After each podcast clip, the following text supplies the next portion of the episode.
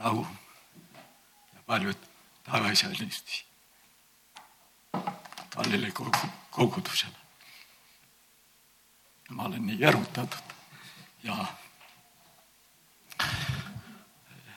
sest Jumala vaim räägib. ja see tõstab meid maisest olukorrast üles. Sellest maisest madalusest vaatama igavestele asjadele.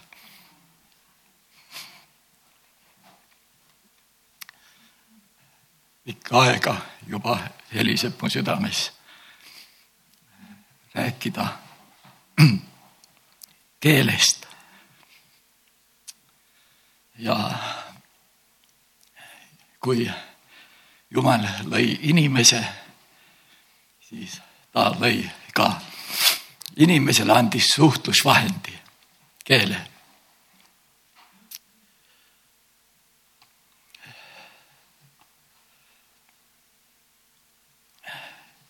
ja ma kasutan ka Derek Printse mõningaid väljavõtteid, mis mulle eriti on rääkinud, mis mulle on kallis ja mida mina sellest kõigest keelest, kuigi ma olen Jakobuse raamatust lugenud neid peatükk, neid kirjakohti. aga vennale on pühapaim läbi eriliselt ilmutatud saladusi keelest. kõige enne loen sellest, kui Jumal inimese lõi, inimese, ta lõi ka inimesele pea. ja loengi siit mõned laused. Alguses tahan osutuda millelegi, millelegi väga tähtsale.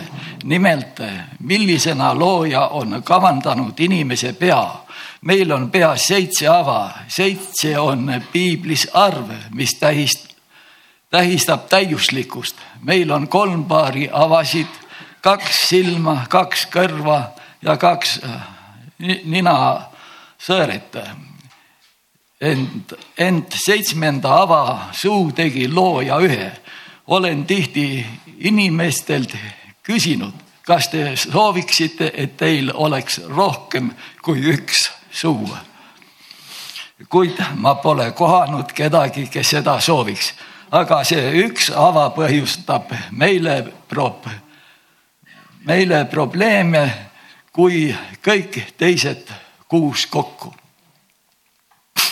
Ja esimene probleem, mis tekkis, oli juba paradiisiaias, kus äh, saatan tuli ja rääkis Eevaga, temal oli küll üks suu, aga tal oli kaheharuline keel. ühega ta meelitas Eevat ja patule ja ahvatles ja kõige enne ta rääkis tõtt teise keelega. et jah, no te teate kõike seda söömislugu ja kõike, kuidas ta meelitas ja, ja, ja keele kaudu tuli patt juba maailma ja tõi inimkonnale hävingu.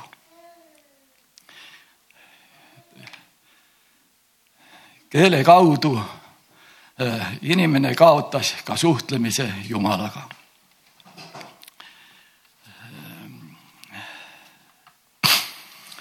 ja kui Jumal lõi inimesele suu siis inimese suu täidab palju ülesandeid, funktsioone. suu on söömiseks. ja siis suu on rääkimiseks, suhtlemisvahend ja ka hingamiseks. kui meie ninasõõrmed, nina on kinni siis me hingame läbi suu ja kui meie räägime, hingame ka läbi suu. see on hingamise jaoks ka. ja siin meie peame keelt õppima. juba õpetame lapsele väiksest saadik keelt. ja mida inimesed last, lastele õpita, õp, õpetavad, on see, et kõige enne emakeel. et see saaks selgeks. ja veel keele kohta. keel on õrnatundeline. keelega me maitseme, eristame maitseid ja väga tähtis on keel.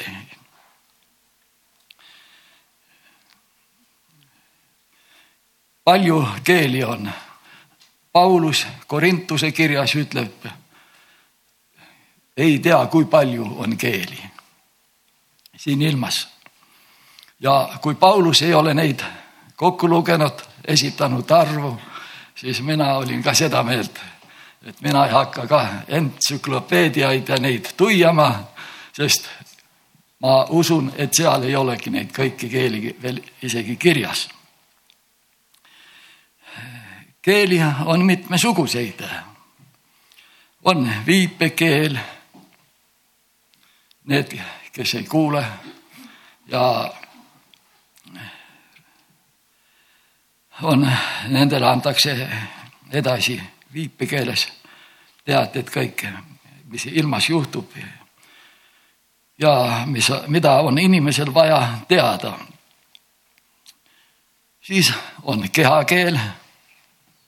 meie inimeste käitumisest saame aru juba, mis inimese sees on. kas inimene on häälestatud äh, hästi headest mõtetest ja sellest teeme ka tihti järelduse. on olemas taevased keeled, inglite keel. Paulus ütleb, kui me inimeste ja inglite keeltega räägiksime. rääkimine, inglite, inglite keel taevas, nad räägivad seda keelt taevasid keeli, aga Jumal on ka inimestele teinud võimalikuks püha vaimu läbi anda keel, taevasid keeli rääkida, millest meie vahest aru ei saa. aga see on suureks õnnistuseks ja meie ihu ja vaimu ülesehitamiseks üks eriline juhtum on piiblis, mida rohkem ma pole leidnud, on see, kui Pileam taganes Jumalast ja tahtis ära neada Jumala rahvast, Jumala lapsi. meie ei leia kuskilgi, et Jumal neaks oma lapsi Jumal on alati Jumala nõtte ja hooldus oma laste jaoks. ta varjab oma lapsi nii palju kui võimalik ja ta ei anna kuna seda oma poolehoidu kunagi laste poolt hingevaenlasele, ta, Jumal ei lähe kompromissi saatanaga. Jumal on alati kindlameelne ja me võime Jumalale ja Jumala sõnale alati toetuda. ja eh, kui Pileam oli minemas oma teed, mitte Jumala tahtmisele, siis sündis ime, et loom hakkas inimese keeli Pileamile rääkima.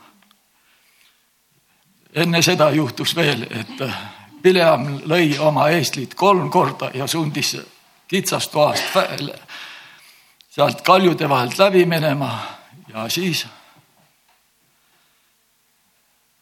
loom pidi hakkama inimesele rääkima inimese keeles. ja siis Jumal näitas ka sellele prohvetile, et ingel seisis ees ja mõõk oli käes. Tee oli suletud. tihti, kui meie taganeme Jumalast ja lähme kõrvale ja Jumal ei saa meid enam kasutada ja meie ja Jumala noomimised, manitsemised enam ei, meile ei mõju, siis Jumal peab kasutama teisi vahendeid. Niikaua, kui me ükskord hakkame aru saama, mõistma. ja äh, mida äh,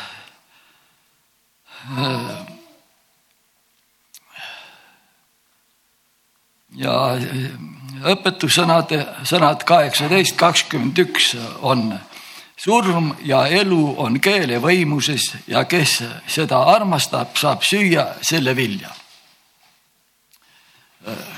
meie hing on puu ja keel on vili ja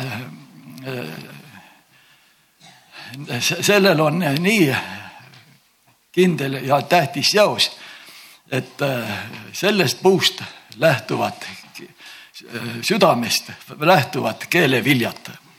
ja Jeesuski ütles, et see on paha, paha rahvas, sest tema otsib ainult imetähte, sest nende, kes Jeesuset kiusasid ja nende, nemad olid pahad, sest nendest tuli ikka see paha välja, sest nad olid sellega täidetud.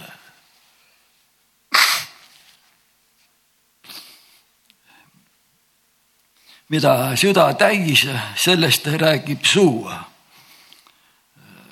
ja see, see on tõsi ja toon siia ka ühe näite. üks õde oli kirikus ja vaatas, kuidas üks mees oli, tuli kirikusse ja pealt vaadata, ta oli nagu pühak.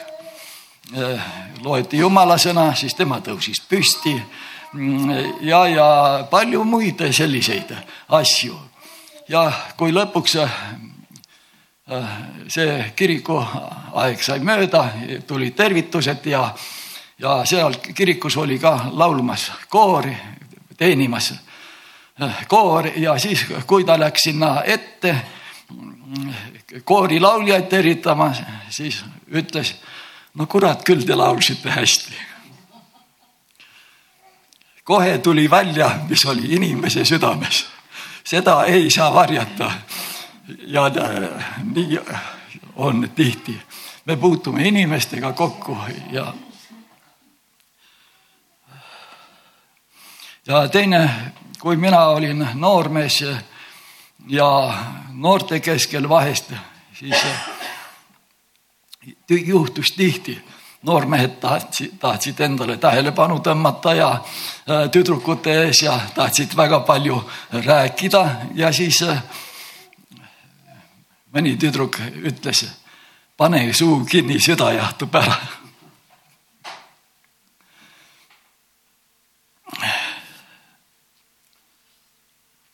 ja siin ongi Terek Printse toob ka ühe näite. Mulle meenub teenistus, kus külastaja palvetas kellegi inimese eest ja ütles, issand, täida ta püha vaimuga. aga pastor, kes inimest tundis, ütles, issand, ära tee seda, ta lekib. paljud saavad täidetud ja õnnistatud, aga see jookseb välja nende keele kaudu kui tahad tunda issanda õnnistust, pead valitsema oma keelt. üks asi on saada õnnistust ja teine asi on õnnistust hoida. Teele, keele tervendamine on elupuu, mis toob elu meile ja teistele. see töötab seesmiselt ja väliselt. õpetussõnad kaheksateist, kakskümmend üks surm ja elu on keele võimuses ja kes seda armastab, see saab süüa selle viljast.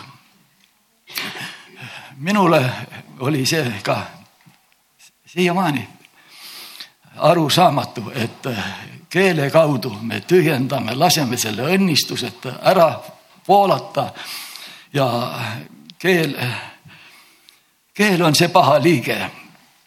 ja siin Derek Printsek, Printsek küsibki, kas meie keel vajab tervendust, kas minu keel vajab tervendust ja ma vastan sellele, oo jaa ja kui, kuidas veel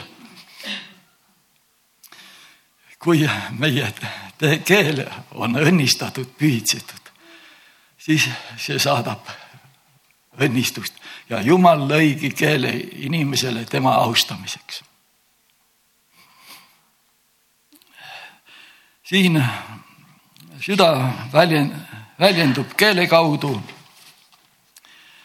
ja mis mulle meeld-, meeldis väga on need keelehaigused, mis on välja toodud ja neid oli siin kuus keelehaigusi ja et need vajavad tingimata tervendamist. vaatleme mõningaid pilte, mida Jakobus kasutab, et illustreerida keelefunktsioone meie elus panime tähele eriti neid nelja pilti. esiteks suulised hobuste suus, teiseks laeva tüür, kolmandaks säde, mis põhjustab metsakahju, siis tuli, mis saab alguse põrgust ja neljandaks mürgine allikas, mis mürgitab kogu meie eluvooru. Nende illustratsioonide põhiolemus on igal juhtumil sama keel on iseenesest midagi väikest, aga ta on võimeline põhjustama suurt kahju, mida ei saa enam kunagi olematuks teha. kui mets on maha põlenud, ei saa seda metsa enam kunagi taastada. on palju kogudusi ja usklikke gruppe, kus keel on põhjustanud sädeme, mis on kõik maha põletanud, nii et seda ei saa enam kunagi taastada seda metsa ei saa taastada, kui ta on põlenud, oksad kõik on võimalik maha lõigata ja uus istutada. nüüd pöörame tähelepanu erihaigustele, mis põhjustavad meie keelt, mis mõjutavad meie keelt. vaatleme lähemalt kolme. haigus number üks, liigne rääkimine see haigus on nii tavaline, et inimesed suhtuvad sellesse kui normaalsesse asja, kui ta seda, kuigi ta seda ei ole. õpetussõnad kümme, üheksateist. loen, kus on palju sõnu, ei puudu patt, aga kes hoiab oma keelt, on tark jumala sõna on väga täpne ja meile julgustav ja seda siin lõpuks ta räägib ka, kes on selle keele ravitseja, kust meie saame oma keelele abi. ja Jumal on meid päästnud selleks ja kutsunud, et meie oleksime tema lapsed räägiksime õigeid sõnu täpselt. Teie jah, olgu jah ja ei mitte, ei mitte, mis peale selle, see on kurjastaja. ja äh, kui ma seda raamatut lugesin ja see oli mulle nii mõjuv ja ma mitme koha pealt leidsin, sain ennast kätte ja, ja ma ütlesin, issand, aita mul meelt parandada kui kuuled, et inimene lakkamatult räägib, ei vaja sa teist tõendust, et tegemist on albiga. albi häält tuntakse rohketest sõnadest, mis on probleemi põhjus. arvan, et rahutus. võrrelgem sellega, mida öeldakse Jakobuse kolm kaheksa. keelt ei suuda ükski inimene taltsutada, seda püsimatut pahategijat täis surmavat mürki. siis on haigus number kaks, kasutud või hooletud öeldud sõnad. Mat-, Mattiuse kaksteist kolmkümmend kuus hoiat-, hoiatab Jeesuse. ma ütlen teile, et inimesed peavad kohtupäeval aru andma igast hooletust sõnast, mis on rääkinud. Nii et ühel päeval Jumala ees peame meie vastust andma. mäejutluses Mattiuse viis kolmkümmend seitse ütleb Jeesus, olgu teie jah, lihtsalt jah ja teie ei olgu ei. kõik, mis on väljaspool seda, tuleb kurja käest. haigus number kolm, keelepeks. ära käi laimu levitamas oma rahva seas käi, käia ringi ja levitada laimu, kasutut ebatõde, liialdatud, liialdatud õelat juttu on keelepeks. üks saatana nimetusi Uues Testamendis sõna, mida tõlgitakse kurat, tähendab kreeka keeles laimaja. see on selle sõna peamine tähendus kui käid ringi keelepeksjana ja räägid edasi kuulujutte, teed sa tegelikult tööd kuradi jaoks. sa oled saatana teenija. me peame mitte ainult valvama, et meie keel, keelt peksta, vaid peame ka tähele, paneme ka tähele, et keelepeksu mitte vastu võtta. õpetussõnad kaheksateist kaheksa keel ja peks ja sõnad on nagu maiuspalad, need lähevad otse inimese sisemusse. meie oleme küll ka inimestega koos olnud ja kuidas see vale jutt ja keelepeks levib. ja ta mõjub jah, väga halvasti sisemisele inimesele ja ka kui meie kuulemegi kuulujuttu, siis Jumal on pannud meie sisse indikaatori, mis ütleb, kas see jutt on õige või vale ja see indikaator on püha vaim. ja kuskil minu meelde on jäänud on Jumala sõnas Uues Testamendis kirjutatud valet uskuda on patt. ja see seab meid tõsise olukorra ette ja teeb meid eriti ettevaatlikuks, et see vale, mis räägiti, et me seda edasi ei annaks. see on hukatuseks ka teistele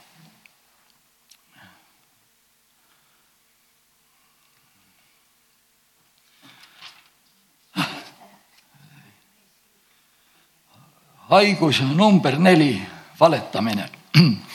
me peame olema täpsed, et kasutaksime selle kirjeldamiseks õiget sõna, mis on liialdamine. siin on toodud, liialdamine on see, kui meie kuuleme või oleme kuskil koosolekul, noh, palju seal inimesi oli, oli kakssada, noh me liialdame, ütleme viissada. see on liialdamine, aga see on ka valetamine. jumal tahab, et me oleksime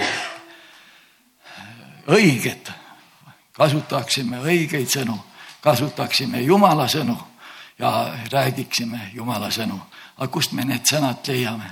me leiame need Jumala sõnast ja kui need on meie südamelaudadele kirjutatud, siis äh, need on seal ja need Jumal tuletab õigel ajal meelde, kui meil on ka vaja vahest maailma inimestega kokku puutudes aru anda, siis me ei, Jumal ei jäta meid hätta, Jumal tuletab sel ajal selle sõna meelde, mida on vaja kosta.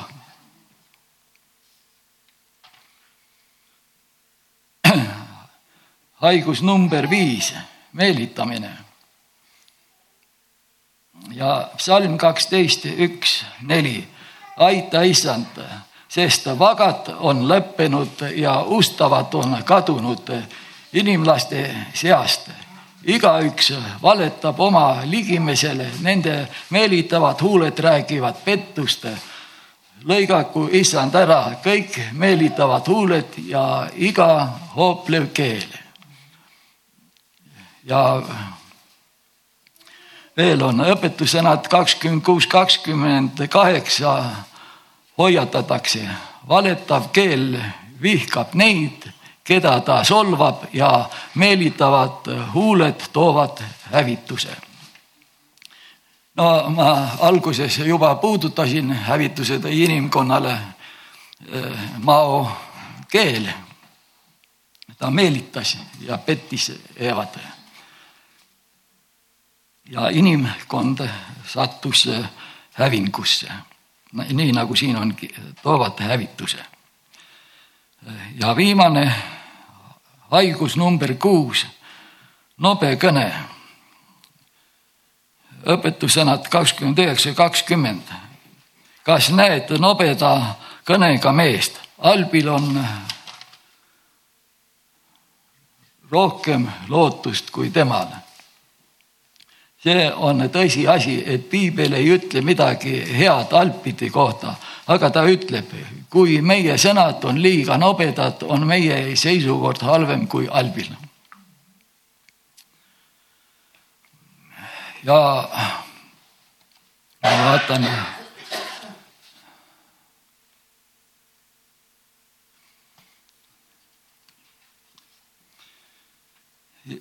siis, mis mulle väga meeldis ja on jälle see siit. on olemas kaks eri liiki tuld, mis puudutavad inimese keelt. esimene on tuli põrgust, mis süütab lihaliku uuesti sündimata patuse inimese keele. Jakubuse kolm kuus ütleb, samuti on keel tuli kurjuse maailm kehaliikmete seas, see rüvetab kogu isiku, süütab põlema kogu tema elukäigu ja ta ise on süüdatud põrgust. lihaliku inimese keeles on tuli, mis lähtub põrgust endast. Ja see vili tulemus ja järeldus on põrgulik, aga nelipühipäeval tõi Jumal lunastusele tõi Jumal lunastusele, keda ta tahtis tarvitada enese auks maa peal. tõi teist sorti tule teisest allikast. püha vaimu tuli lähtus taevast, mida põr-, mida põrgust, mitte põrgust ja asus tegutsema nende keele vahendusel, kes olid ülemises toas teisisõnu, Jumala tuli taevast ajas välja keele loomupärase tule põrgust. põrgust pärit tuli asendati tulega, mis meid puhastab ja austab Jumalat. neli pühipäevast. paneme tähele, et vaim tegeles kõigepealt nende keelega, Jumal tuli taevast, andis neile uue viisi, andis oma keelt kasutada siis ütleb piibel selgelt, et kõik, mida nad seejärel pühas vaimus rääkisid, austas Jumalat, nad kasutasid keelt eesmärgil, mille Jumal keele oli andnud. ja Jeesus ise rääkis aramea keelt. ja nüüd veel, kui oled täis püha vaimu, siis esimene ilming tuleb esile su suu ja keele kaudu nurisemine, kritiseerimine ja uskmatuse väljendamise asemel sa räägid Jumala sõna, laulad, helistad pillikeeli, annad tänu. su keelekasutus on positiivne, mitte negatiivne. kõigi probleemide lahendus meie elus peab olema positiivne. ei piisa patust loobumisest, peame saavutama õigsuse, ei piisa keele, keele keele, ei piisa keele, keele keelamisest, seda andma kuradile, peame selle alistama pühale vaimule, saada täis püha vaimu ja siis rääkida, see ongi keele ravim. tänu Jumalale, et need keeled ja kõik, aga on maailmas üks keel, mis on kõige ilusam keel ja seda keelt oskavad. sellest keelest saavad kõik aru, isegi loomad. ja see keel on armastuse keel. seda oskavad kõik ja seda räägib ka meile Jumala sõna ja see on kolmeteistkümnes peatükk neljandast salmist edasi. armastuse keel. armastus on pikameelne, armastus on täis heldust, ta ei ole kade, armastus ei suurustele, ta ei ole iseennast täis, ta ei ole viisakuseta, ta ei otsi omakasu, ta ei ärritu, ta ei pea meeles paha, ta ei rõõmustu ülekohtust, aga ta rõõmustub ühes tõega. Tema vabandab kõik, usub kõik, loodab kõik ja sallib kõik. Need on keel, armastuse keeleviljad ja see armastus on äh, Jumala armastus, Jumala armastus. tänapäeva armastus maailmas on devalveerunud. meie teame seda ilmalikku armastust. kuigi ja inimesed abielluvad, tõotavad truudust ja ei lähe kuigi palju aega, kui see kõik haihtub kui hommikune kaste aga Jumal on armastanud meid oma igavese armastusega. on olemas inim-, inimese armastus, vanemate armastus, laste armastus vanemate vastu, siis loomad, loomade armastus. aga Jumal on, on armastanud meid igavese armastusega. ja see armastus ei ole süüdatud kuskil maisest, äh, maisest allikast. Armas, see armastuse tõrvik on süüdatud, ta ei ole ka süüdatud äh, selle Zeusi templi altarilt, vaid ta on süüdatud Kolgatal talle veres. ja see armastus on jääv see kestab siin ja see kestab taevas edasi. ja see Jumal on andnud meile selle tõrviku kandmise eesõiguse selles maailmas. Läbi selle katuse kõrbe ja püha vaim on selle jõud ja vägi. Üks laulja ütleb, kas tead, kus läheb armastuse rada, kas tead, kus kulgeb andestuse tee, kas tutvunud sa oled Kolgataga ja kas tead, et ristitee viib elusse. Ja üks äh, veel, Jumal tahab, et meie oleksime täidetud armastusega ja ja need armastuse viljad oleks meis. ja need oleks ka südamelaudadele kirjutatud, mitte et me siit loeme. ja kui me oleme ülevalt sündinud ja Jumala vaim elab meis, siis nad on ka südamelaudadele kirjutatud. oli kord äh, koosolek, suvine aeg, kahelt poolt aknad lahti ja üks vend rääkis ka suurest Jumala armastusest ja tema ees oli kirja pandud kõik. ta luges sealt maha, südamelaudadel ei olnud midagi kirjutatud. tuli tuulehoog ja viis selle suure armastuse aknast välja. ja ei saanud enam sõnagi suust ja siis vanem vend ütles, kallis vend, sinu armastus on läinud, mine kohale